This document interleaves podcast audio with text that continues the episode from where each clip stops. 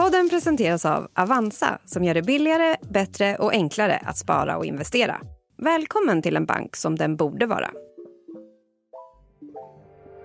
Är det någon som har svar? Essie, har du svar på det? Det var väl att det undergräver en del av liksom, Det här ska vi försöka reda ut du. Essie Klingberg, redaktör och skribent på Svenska Dagbladet. Välkommen hit. SVDs kulturredaktör Essie Klingberg är ständigt närvarande i debatten.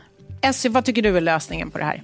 Jag tycker i alla fall att en del av kultursidans uppdrag är att fungera som en brygga mellan sådana ämnen och Erika Jong och De Boer, Sartre. Och det går alltså ut på att man eh, i en livesändning härmar en eh, bifigur i ett tv-spel med sin... Och varje fredag, med start idag, kommer hon hit och ger sina spaningar från veckan.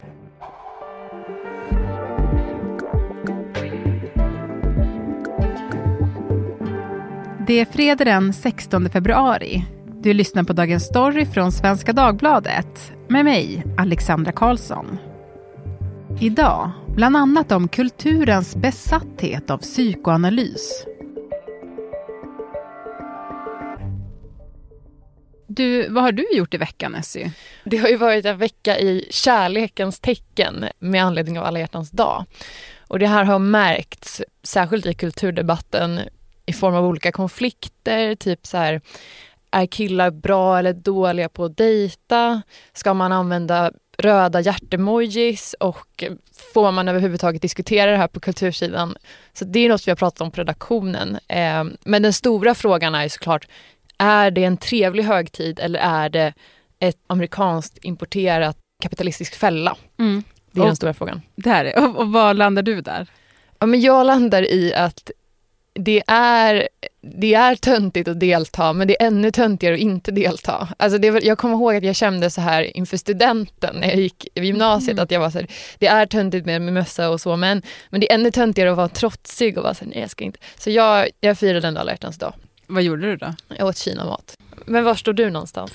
Ja men jag står ändå i, jag älskar alla dag. Och eh, igår var det så himla gulligt, för jag låg eh, hemma i soffan. Och sen ser jag bara min hund som kommer inspringande genom dörren med en så hjärtballong fäst i sin, i sin sele och bara kommer och hoppar upp i soffan.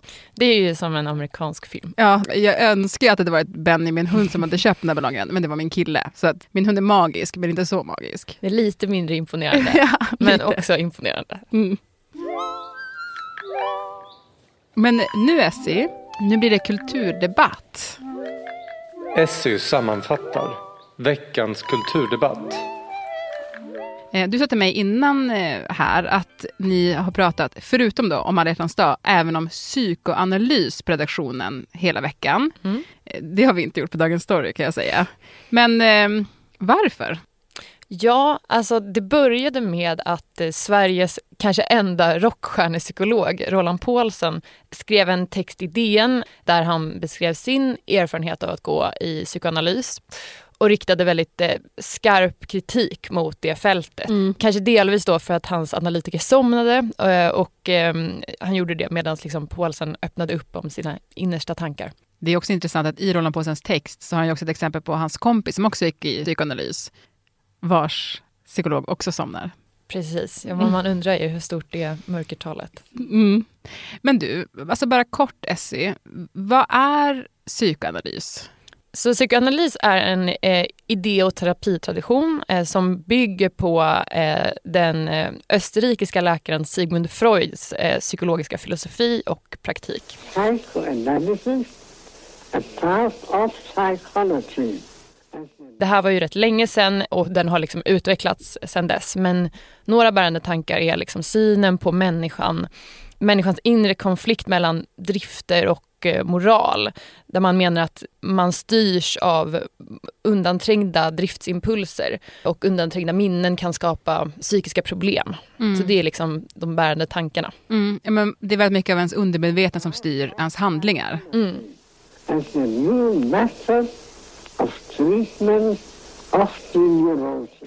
Och behandlingsformen går bland annat ut på att den som blir den analysanden ligger och ska fritt associera. Mm. Och det var det Roland Paulsen gjorde då, Precis. när hans terapeut somnade. Mm. Ja, men jag tänkte så här, För om man skulle vara i behov av terapi, och om man går till sin vårdcentral till exempel, då är det väl inte psykoanalys man får? Nej precis, alltså, trots sin starka ställning inom eh, liksom, kulturvärlden så har psykoanalysen i princip helt eh, förlorat sin vetenskapliga ställning och om man går till vårdcentralen idag så blir det oftare hänvisat till KBT, alltså kognitiv beteendeterapi eller psykodynamisk eh, samtalsterapi som är influerat av psykoanalysen men mer evidensbaserat. Men om man pratar om liksom den klassiska psykoanalysen så bedrivs det knappt någon offentligt finansierad forskning och eh, om man ska gå i det själv då får man betala själv också och gå till privata kliniker och det är rätt dyrt. Man måste göra det flera dagar i veckan och så vidare. Men varför sätter det igång så mycket hos er på kulturen då? Jo, för att psykoanalys och kultur verkligen är tätt sammanflätade och eh, man kan ju säga att Freud har inspirerat fler generationers eh, tänkare och författare. Några svenska exempel är till exempel Karin Boye, eh, Gunnar Ekelöf, men kanske framför allt också akademiker på, på 60-talet eh, internationellt inom den så kallade Frankfurtskolan finns det. Som, och de har ju i sin tur influerat folk som idag är aktiva och skriver böcker och romaner. Mm. Nu var du inne på liksom författare där, men det finns också fler exempel inom film. Absolut. Ett eh, nutida exempel är Black Swan som spoiler alert. Har du sett den förresten? Nej. Nej, okej, okay. då, då blir det verkligen en spoiler. En bra film. Mm. Det är en ballerina som ska spela både den vita och den svarta svanen i Tchaikovskys Svansjön. Men hon tappar verklighetsuppfattningen eh, när hon kommer i kontakt med sitt mörka jag. Mm -hmm. I danced the black swan for you.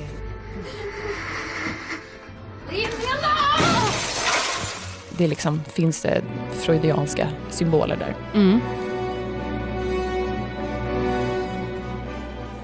Men även Psycho? Ja, precis. Det är ju verkligen en, en klassisk, eh, lite Freud-inspirerad plott. Den, den kretsar kring sexualitet och eh, begär och innehåller också en lite komplex och oidipal modersrelation.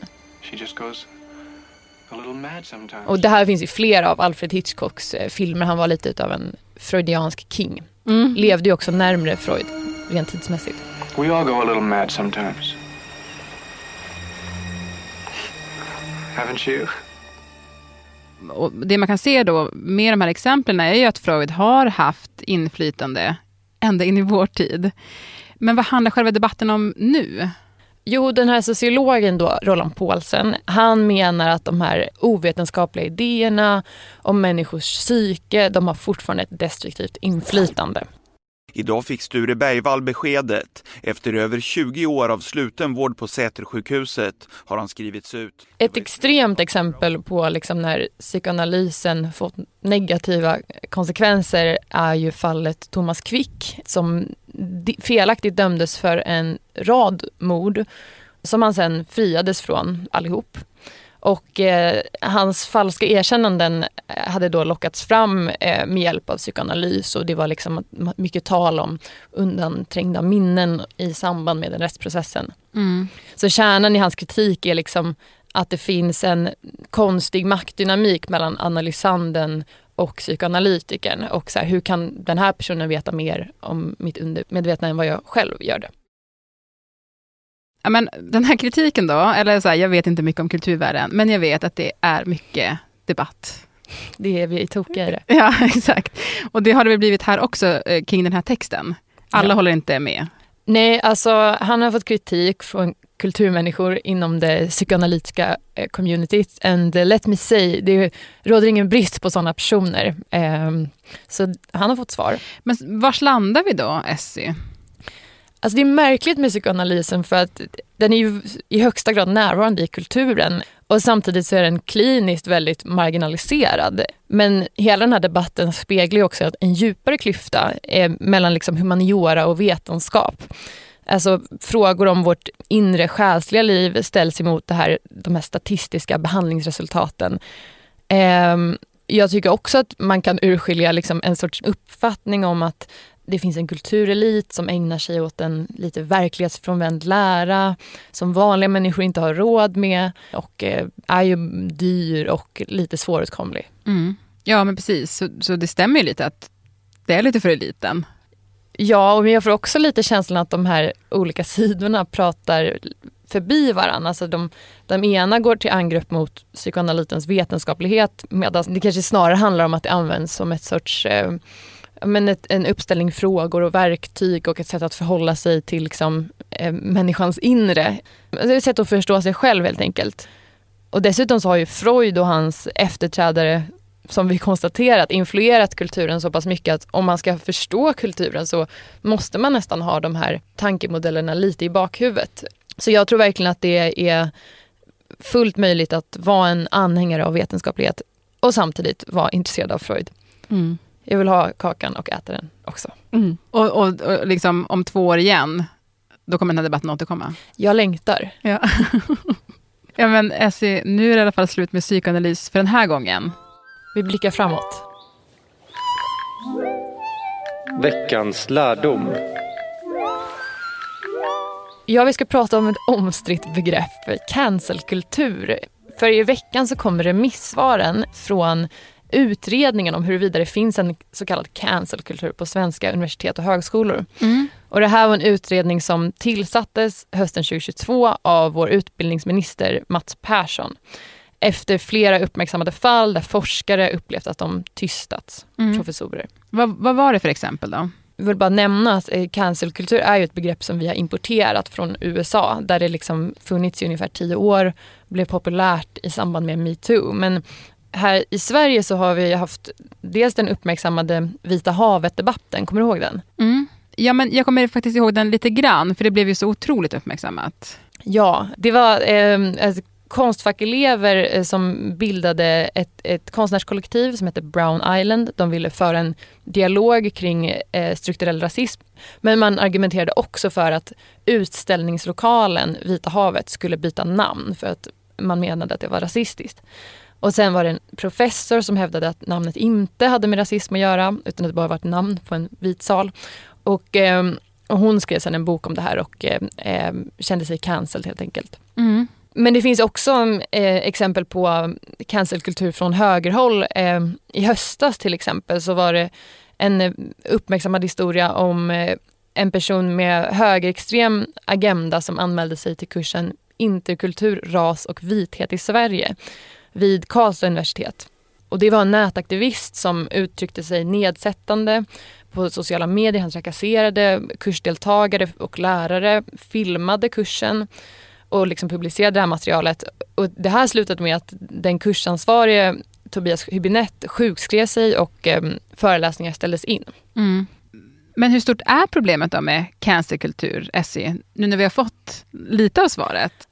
Jo men den som följt debatten både i Sverige och i USA kanske fått bilden att eh, det är ett stort problem med liksom, känsliga snöflingor eh, som vill styra och ställa på universiteten. Men, men eh, överlag så är bilden i de här remissvaren att det är liksom inte känsliga elever som är det stora problemet. Däremot så behöver svenska universitet eh, och högskolor enligt dem själva ett starkare skydd mot politisk påverkan. Alltså de flesta eh, högre lärosätena i Sverige idag är liksom statliga myndigheter. Så de är alltså offentligt finansierade och lite liksom beroende av politikernas goda vilja.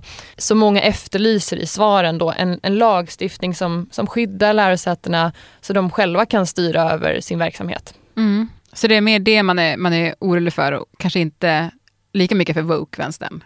Inte lika mycket, men sen är det ju luddigt vad man menar med cancerkultur. Det är svårmätt. Så jag tror det här är liksom inte det sista vi hör i frågan. Mm. Skönt det i alla fall. Man kan alltid lita på att det kommer fortsätta. Kommer tillbaka ja, det kommer som en boomerang. Ja.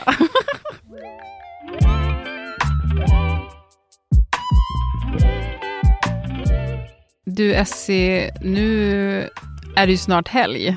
Vad ser Oh, ja. du fram emot i helgen? Och det här är min dröm om att köra SVDs Min helg. Ja, okej. nu har du din stora chans här. Jag ska på ett styrelsemöte för en eh, litterär tidskrift eh, där jag är inblandad eh, på Gyllene Freden på lördag. Oj, Det låter akademikodat. verkligen. Jag hoppas kunna ha en spaning därifrån. Mm. Och sen på måndag, det är ju inte helg, men då är det Expressens kulturfest. Det är alltid lite av en snackis vad som händer där. Ja, och du kommer tillbaka nästa fredag. Mm, Och då får vi höra, du måste lova att du liksom berättar allt skvaller. Alltså du måste så ha liksom, det, det tycker jag är det absolut viktigaste. Att man inte lämnar någon som inte var där utanför. Absolut, och i, inte blipa namn som i Mm. influencerpoddar. Nej, ingenting kommer blipas. Nej. Allt kommer sägas rakt ut i nästa veckas podd. Jag längtar. Mm, jag med. Tack så jättemycket Essie. Tack.